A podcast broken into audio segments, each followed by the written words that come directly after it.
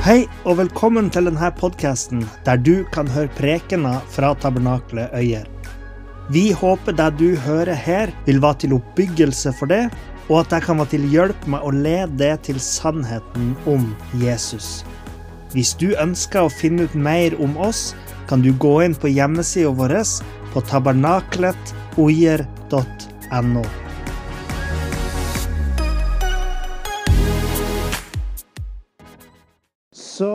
jeg skal snakke om deg og være en teknologisk disippel.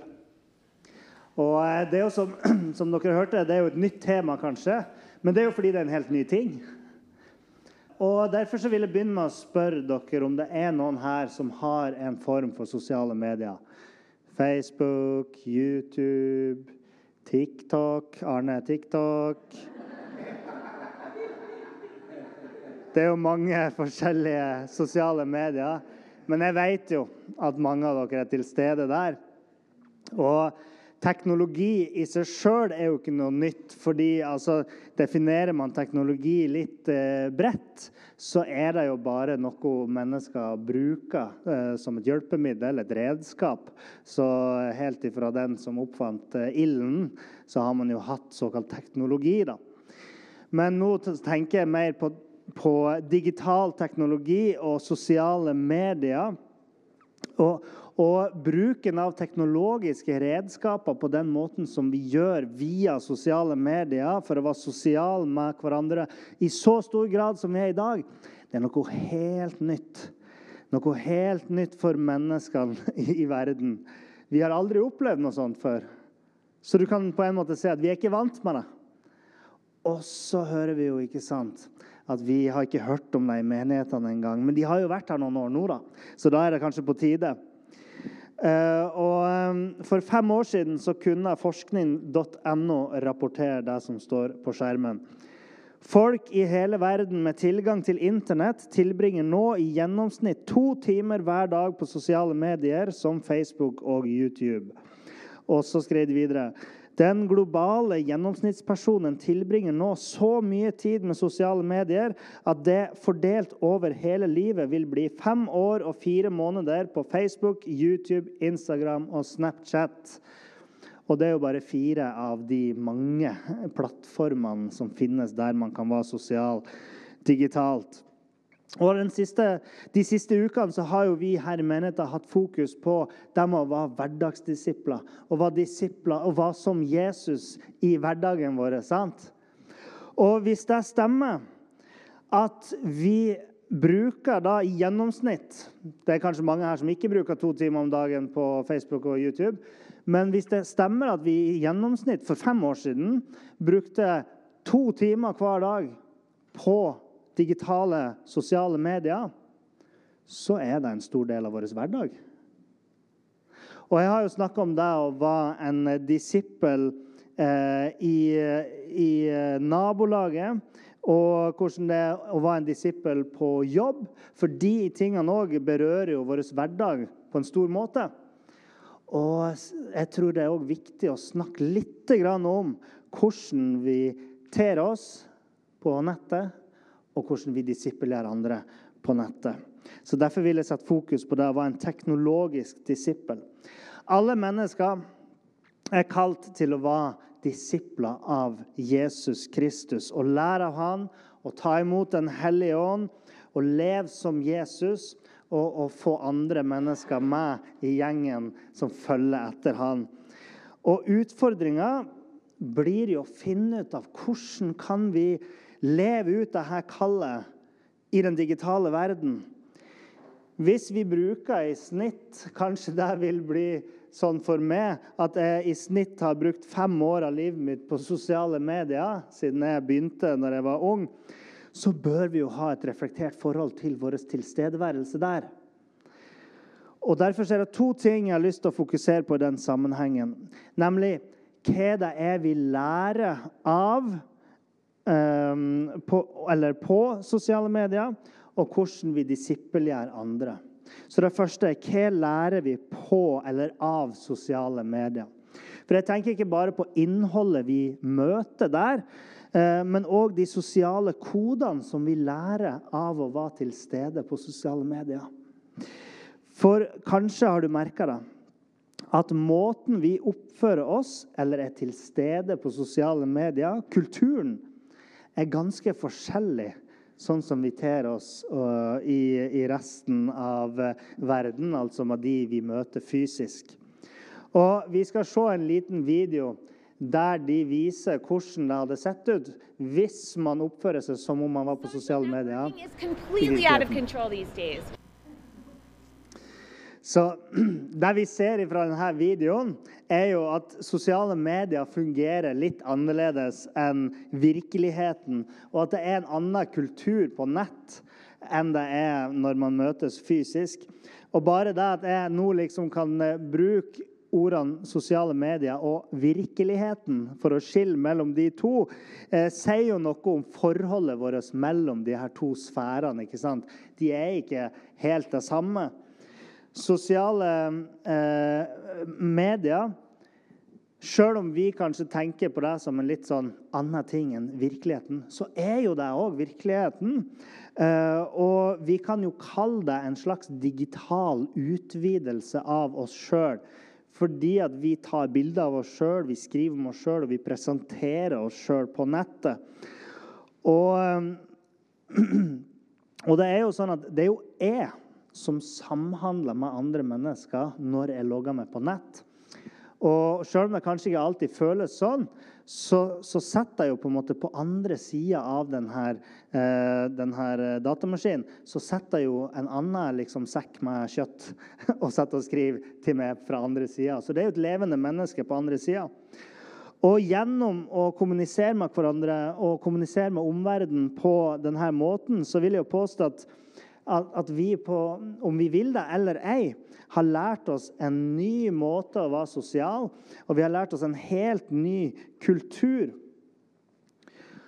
Man har f.eks. At, lært at det er helt greit å leve av å eksponere ungene sine på, på nett gjennom såkalte mammablogger, f.eks.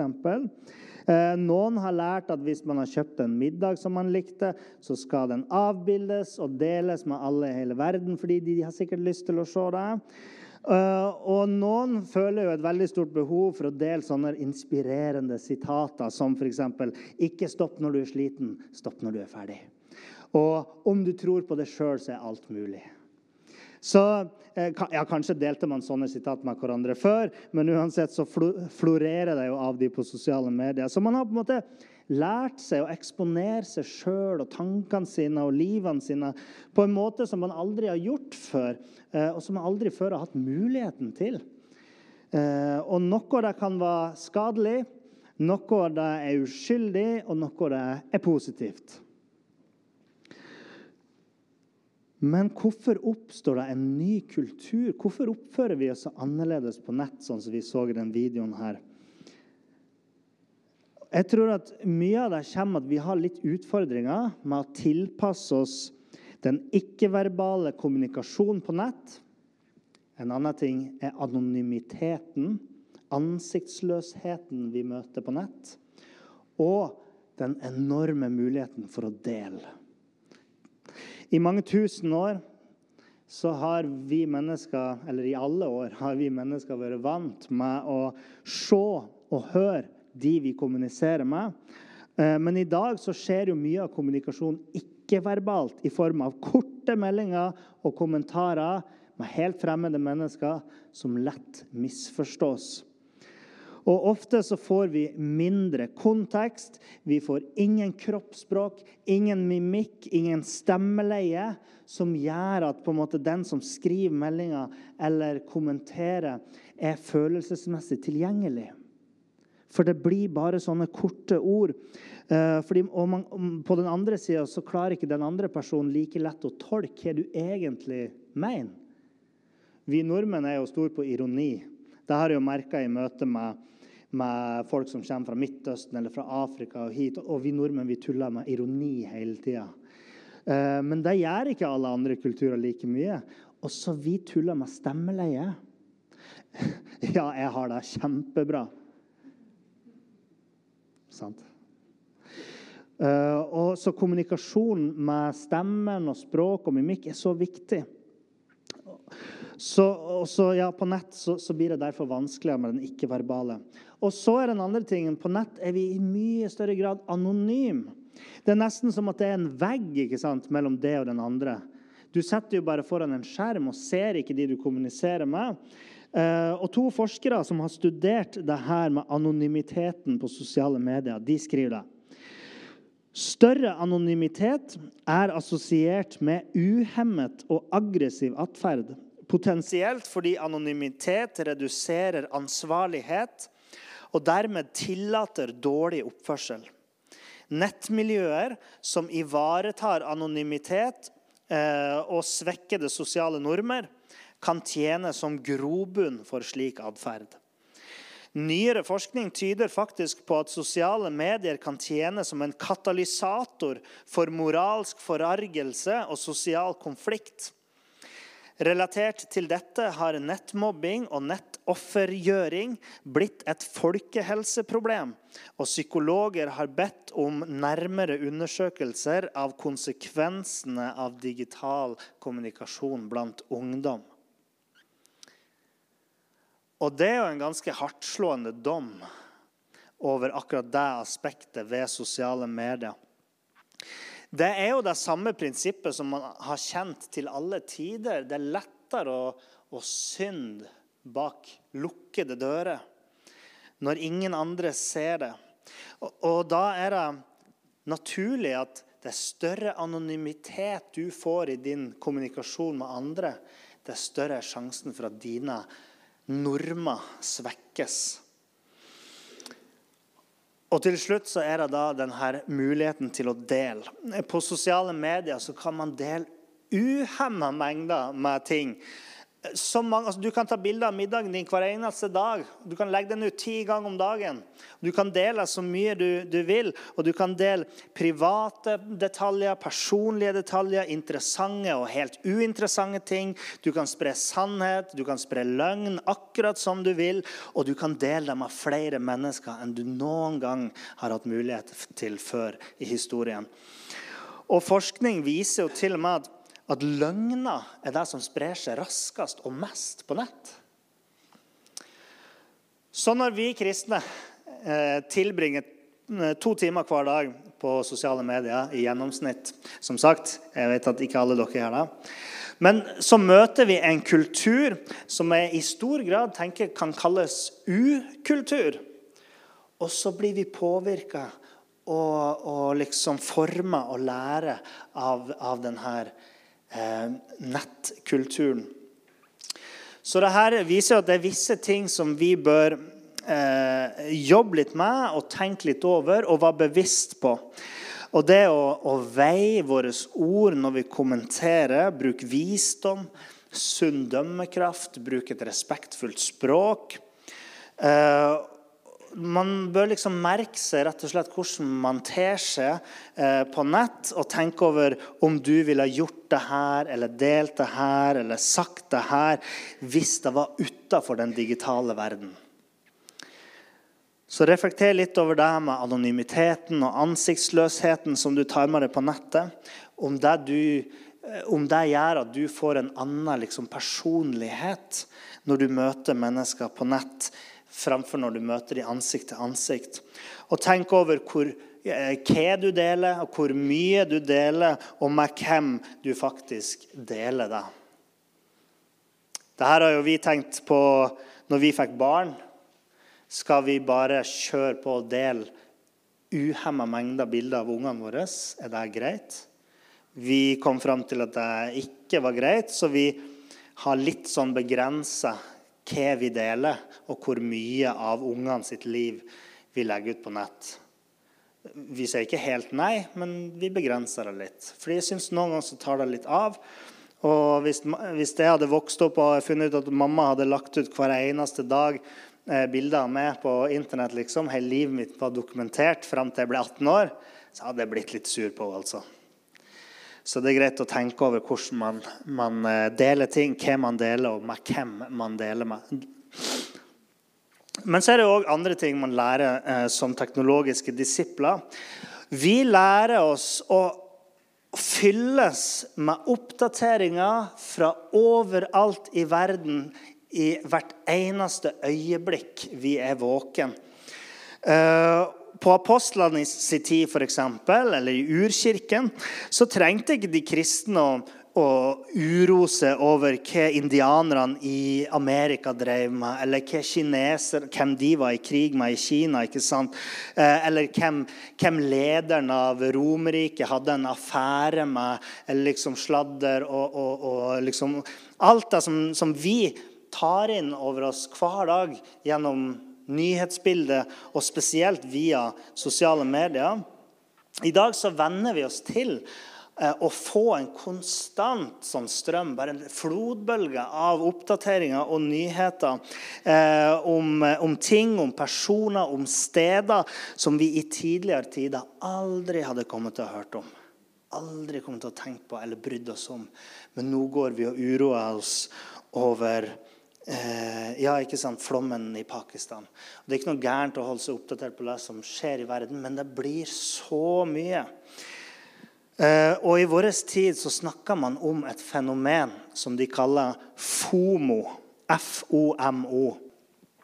FOMO er en forkortelse for Fear of Missing Out. Altså på norsk frykt for å gå glipp av, som vi da har forkorta Ehm, det ble litt dårligere oversettelse på norsk da, med 'få gå'. Ehm, men frykt for å gå glipp av. Det er en frykt eller en følelse av angst for at du skal gå glipp av noe som skjer, og at du ikke er oppdatert på det siste. Det trenger ikke å være så kraftig alltid at vi går rundt med en sånn angst. ikke sant? Men noen opplever det på den måten så kraftig at de kan ikke skilles fra mobiltelefonen sin engang fordi da får de angst. Eh, men sjøl om det ikke er så kraftig, så er dette en av de vanligste årsakene til at du kjenner på det behovet for å plukke opp telefonen din og bare sjekke litt. Bare scroll litt. Og Det er òg en av de mest negative påvirkningene sosiale medier har på oss. Så dette er noen av grunnene til at jeg ikke vil at mine barn skal ha sosiale medier så lenge jeg kan stoppe det. Fordi at det krever en moden person å delta på sånne arenaer. Til og med voksne sliter veldig med å forholde seg til eh, sosiale medier og oppføre seg ordentlig på nett. Og det er enda verre blant unge. Eh, med mobbing og, og, den typen ting. Man hører om barn som tar selvmord pga. nettmobbing, som var helt usynlig for omverdenen, men som var veldig synlig for den det gjaldt. Paulus han skriver i 1. Korinterbrev kapittel 6 vers 12. Jeg har lov til alt, men jeg vil ikke at noe skal få makt over meg. Jeg tror at det i denne sammenhengen betyr at Gud ikke vil at sosiale medier skal få makt over oss på en sånn måte at det begynner å bryte det ned, eller å gjøre det til en dårligere disippel. Sosiale medier er bra for mange ting. sant? Eh, men det er jo som å være på et torg der de fleste av profetene ønsker å overtale det om å gjøre noe annet eller å tro på noe annet enn Jesus. Eh, og Det berører jo vår vandring med Jesus i hverdagen. Eh, og Derfor så vil jeg snakke om det, sånn at du er bevisst på denne påvirkninga som teknologien har på det. Spør deg sjøl hva er det første du hilser når dagen din begynner? For mange så har det blitt telefon. Før kona, før barna, før Gud. Så er det den blå skjermen som vekker det. Sånn er det ofte for meg. Så jeg er ikke noe sånn perfekt forbilde når det gjelder, når det gjelder, når det gjelder her. Men jeg observerer at det har blitt sånn. Og jeg vet ikke om, om det er så sunt. At vi hilser Facebook før vi hilser på Gud. Jeg tror at det er sunt for oss å, å hilse på menneskene rundt oss og helse på Gud, egentlig før vi fordyper oss inn i alt som skjer der ute i verden, som egentlig kanskje ikke angår oss alltid. Eh, og du blir hva du spiser, sier de. I hvert fall så sier knekkebrødprodusenten Vasa det. Som at man blir et knekkebrød eller noe sånt. Jeg vet ikke hva de mener med det. Men uansett, han Paulus sa det sånn som det her i 2. Korinterbrev kapittel 3 vers 18.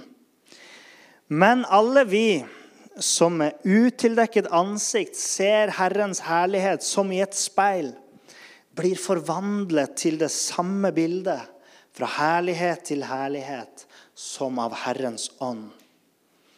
Som disipler så ønsker vi å være som Jesus i hverdagen. Vi ønsker først og fremst å dannes lik Jesus Kristus ved Den hellige ånd. Og vi har lyst til å speile oss i Han, sånn at vi kan være en refleksjon av Hans bilde i verden, og ikke en blå skjerm.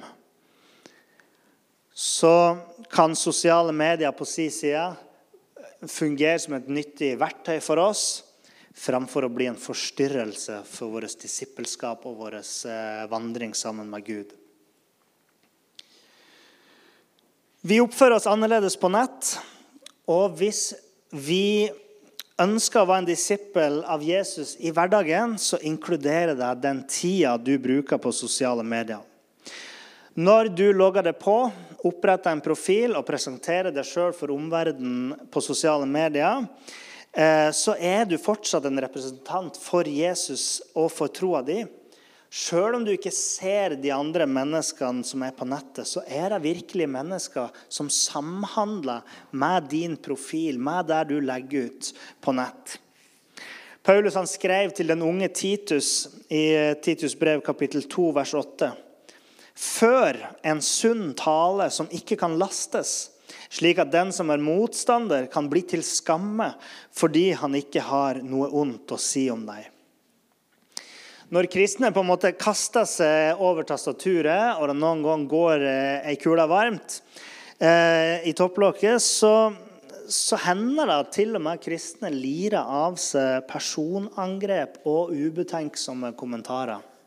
Det har sikkert mange av dere sett òg. Og det er noe som vi kristne må ta oss i vare for. Og kanskje vi må ta oss ekstra godt i vare når vi er på nett. Fordi at den anonymiteten gjør det så lett for oss å bare ikke helt være den vi kanskje har lyst til å være. Derfor er det nødvendig at vi noen ganger bare tar et steg tilbake og puster litt. Kanskje vi bare må legge fra oss litt eh, Facebook og, og, og, sånn. Jeg har jo sjøl på en måte gått igjennom det og måtte lære meg å begrense meg litt på sosiale medier. Fordi eh, liksom, jeg kjente at det ble så lett å kommentere alt hele tida. Og skulle liksom ha en mening om alt og kverulere på ting. Og, eh, og liksom, alt det der er så mye enklere når, når sosiale medier på en måte, de legger jo opp til at man skal gjøre det. Og så lærte jeg det er ikke alt som må kommenteres. sant? Så måten vi ter oss på sosiale medier, påvirker vår disippelgjøring av andre. Og vi er så synlige på nett òg. Vi er mye mer synlige på nett enn en, eh, i, i liksom den virkelige verden, den fysiske verden. Og det er jo fordi at Vi stiller oss fram på nett med synlige profiler, personlig informasjon, bilder av oss sjøl, som er tilgjengelig der for alle som ønsker å gå inn og se det til og med mens vi ligger og sover trygt i rommet vårt om natta. Og Jeg vet ikke hva folk ser når de går inn på din nettprofil. Men på min nettprofil ser jeg masse morsomme ting. Så gå og sjekk inn der, og følg med på Facebook. Nei. Men profilene våre bør i hvert fall ikke være fulle av ting som bringer folk liksom lenger vekk fra de gode nyhetene om Jesus. i det aller minste. Jeg respekterer folk som, som nesten har en helt lukka profil, der du bare liksom ser et bitte lite bilde i toppen. Kan ikke klikke på det engang, og står det navnet, kanskje. Det er helt uh, i orden for meg. Men jeg tenker for de som har masse venner på Facebook og, og har mange ting liggende på, på profilen, så gjør det i hvert fall ikke vanskeligere for folk å finne Jesus. Og jeg syns det er mye rart som har florert på eh, nettet de siste årene, spesielt gjennom denne koronatida. Og kanskje er det fordi mange har brukt mer tid på nettet. Eh, men jeg, har sett falske profetier, konspirasjonsteorier, prideflagg og alt mulig. Og ofte så har jeg sett at det er kristne som deler sånne her ting. Og Noen ganger har jeg sett folk i menigheter som har delt ting som jeg syns kanskje man kunne ha spart seg for. Eh, og, og, det er litt sånn uheldig at man, eh, at man ikke bruker liksom det samme vettet på nett som man gjør ellers. Jeg tenker at Vi kristne vi skal opp, være opptatt av å tale sant. Vi, vi, vi skal være opptatt av at at det vi snakker om, det vi forteller til andre, er sant. Eh, på nettet så er det veldig mye løgner som sprer om seg. Og hvis vi kristne er uforsiktige med å sjekke hva vi faktisk deler, så havner vi fort i en posisjon der vi gjør oss sjøl til løgnere. Og det ønsker jeg ikke at noen av dere skal være. Eller noen av oss troende. Så sosiale medier de er allerede full av løgn. Full av løgn som sprer seg raskere enn sannheten. Full av løgn og ukultur. Men vi kan stå imot det, tror jeg. Akkurat sånn som vi kan stå imot påvirkninger fra verden som vi er i fysisk. Uh, og jeg tror at de fleste av oss klarer å takle det her på en god måte, hvis man bare tenker seg litt om. Uh, og, og, jeg tror at vi kan ha en god tilnærming til sosiale medier. Og jeg tror at vi skal transformeres slik at vi blir lik Jesus i våre ord og våre handlinger, våre tankesett og våre holdninger. Og når vi lever i Han, så kan sosiale medier brukes som et redskap, som et nyttig verktøy for eh, oss som disipler i vår tjeneste for den allmektige Gud der vi kan spre dråper av eh, frelsende sannhet og evangeliets livgivende kraft til andre mennesker, til og med til folk vi ellers aldri hadde møtt. Eh, du vet jo, Når vi hører hvor mye tid vi bruker i gjennomsnitt på sosiale medier hver dag, så skjønner vi jo at det er definitivt folk der ute som ser og hører og leser, selv om, selv om ikke du alltid vet at de er der og ser der du publiserer. Uh, og? Noen de fokuserer mye på uh, evangelisere på gata, ikke sant? sånn som vi gjorde på Fåvang i går. Kjempebra tiltak, syns jeg. da. Um, men det er jo ikke alltid at vi er nødt til å gjøre akkurat det for å dele evangeliet. Og Det er jo litt det denne serien handler om. Å være en hverdagsdisippel og på en måte dele evangeliet og leve som Jesus i det hverdagslige. Eh, men dagens gatehjørne, torget der folk møtes i dag, har flytta seg til, fra å være bare ute til å være nærmest i større grad på nett. Det er jo der meninga utveksles, ting deles, ting selges og reklameres for. Og hver gang du deler et bibelord eller en kristen sang eller et dikt, eh, hver gang du klikker på en kristen video eller deler, eh, deler noe sånt Du går inn på en kristen side. Hver gang du deler noe som vi i menigheten har lagt ut, hver gang du klikker på et av våre bilder, hver gang du eh, kommenterer noe vi har lagt ut, eller du klikker 'skal' på et arrangement alle de handlingene registreres i sosiale medier og gjør at ting sprer seg til dine venner og bekjente. Dere har sikkert lagt merke til det på Facebook. så har du sånn, Plutselig så kommer det opp en ting på veggen din, så står det, eh, så står det 'Niklas likte denne siden'. Og så er det bilde av tabernakeløyer. Det er det eneste jeg liker. Nei da, det er ikke det. Men man får forslag bare fordi at noen har klikka liker på Elkjøps side, så får du det opp på din, på, på din, profil, fordi at sånn fungerer det. Så hver gang du deler noen ting eller klikker på noen ting, eller, eller sånne ting, det du gjør, det registreres og det deles videre. Så Derfor så koster det oss egentlig så lite og på en måte spre dråper av godhet av Jesus, av evangeliet, på nett. Og tenk på hvordan andre de bruker anonymiteten, eventuelt at de rammes av anonymiteten på sosiale eh, medier, slik at de er hakket mer skarp, noen ganger flere hakk mer skarp enn det de ville vært i, i ansikt til ansikt. Men tenk hvis vi kunne ha brukt den anonymiteten til å tørre å være hakket mer frimodig når det kommer til å dele troa vår. Fordi at jeg tror at Guds kraft er sånn at han er i stand til å ta noe som er ondt, og, og vende det til noe godt. Det fremste eksempelet er jo korset. Og Det er jo nærmest ironisk. ikke sant? Vi bærer det rundt halsen. Korset, som er et torturredskap og et henrettelsesredskap. Eh, men da Jesus døde på korset, eh, så hadde Gud tatt dette redskapet for å gjøre det til sitt verktøy for å forsone verden med seg sjøl. De trodde de bare hang Jesus på korset for at han skulle dø. Men all våre synd ble hengt der på korset sammen med han. Straffen for min og din synd ble lagt på Jesus da han døde på korset for det. Et verktøy for henrettelse ble et instrument for Guds frelsesplan.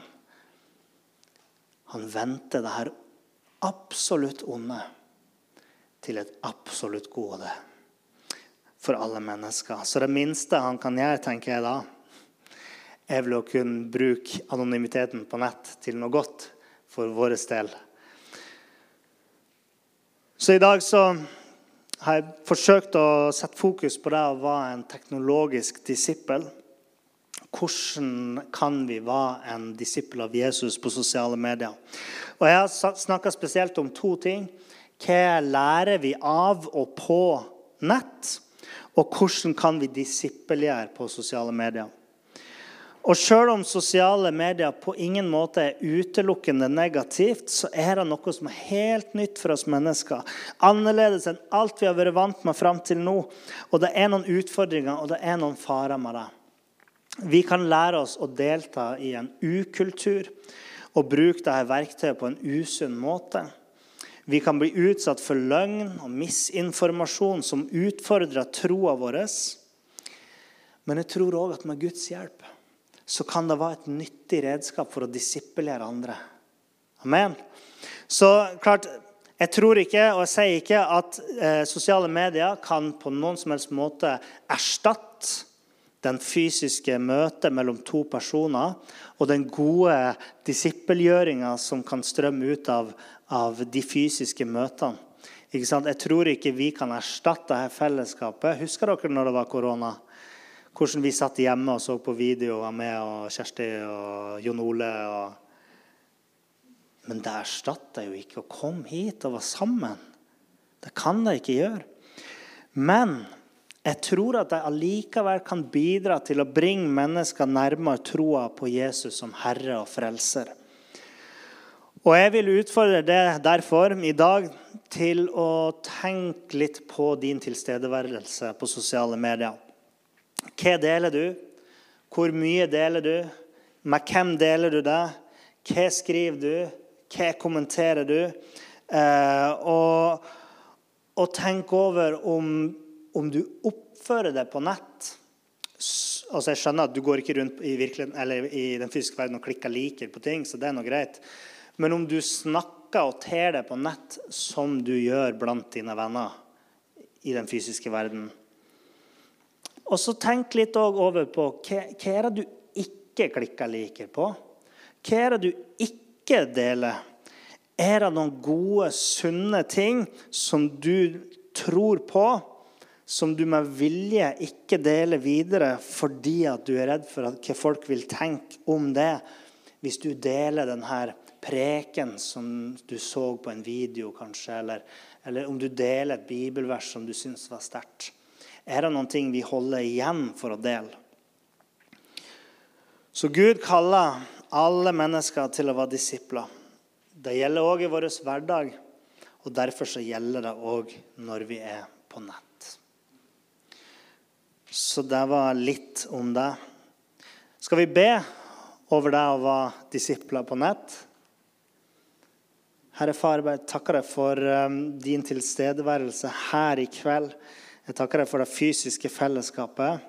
At vi kan møtes og se hverandre og smile til hverandre og spre glede og kjærlighet og be sammen, Herre. Men du ser òg at vi eh, har kommet til et sted i verden nå i vår tid der vi bruker mye tid på nett, Herre. Ja. Og det er ikke all den tida som som er sunn.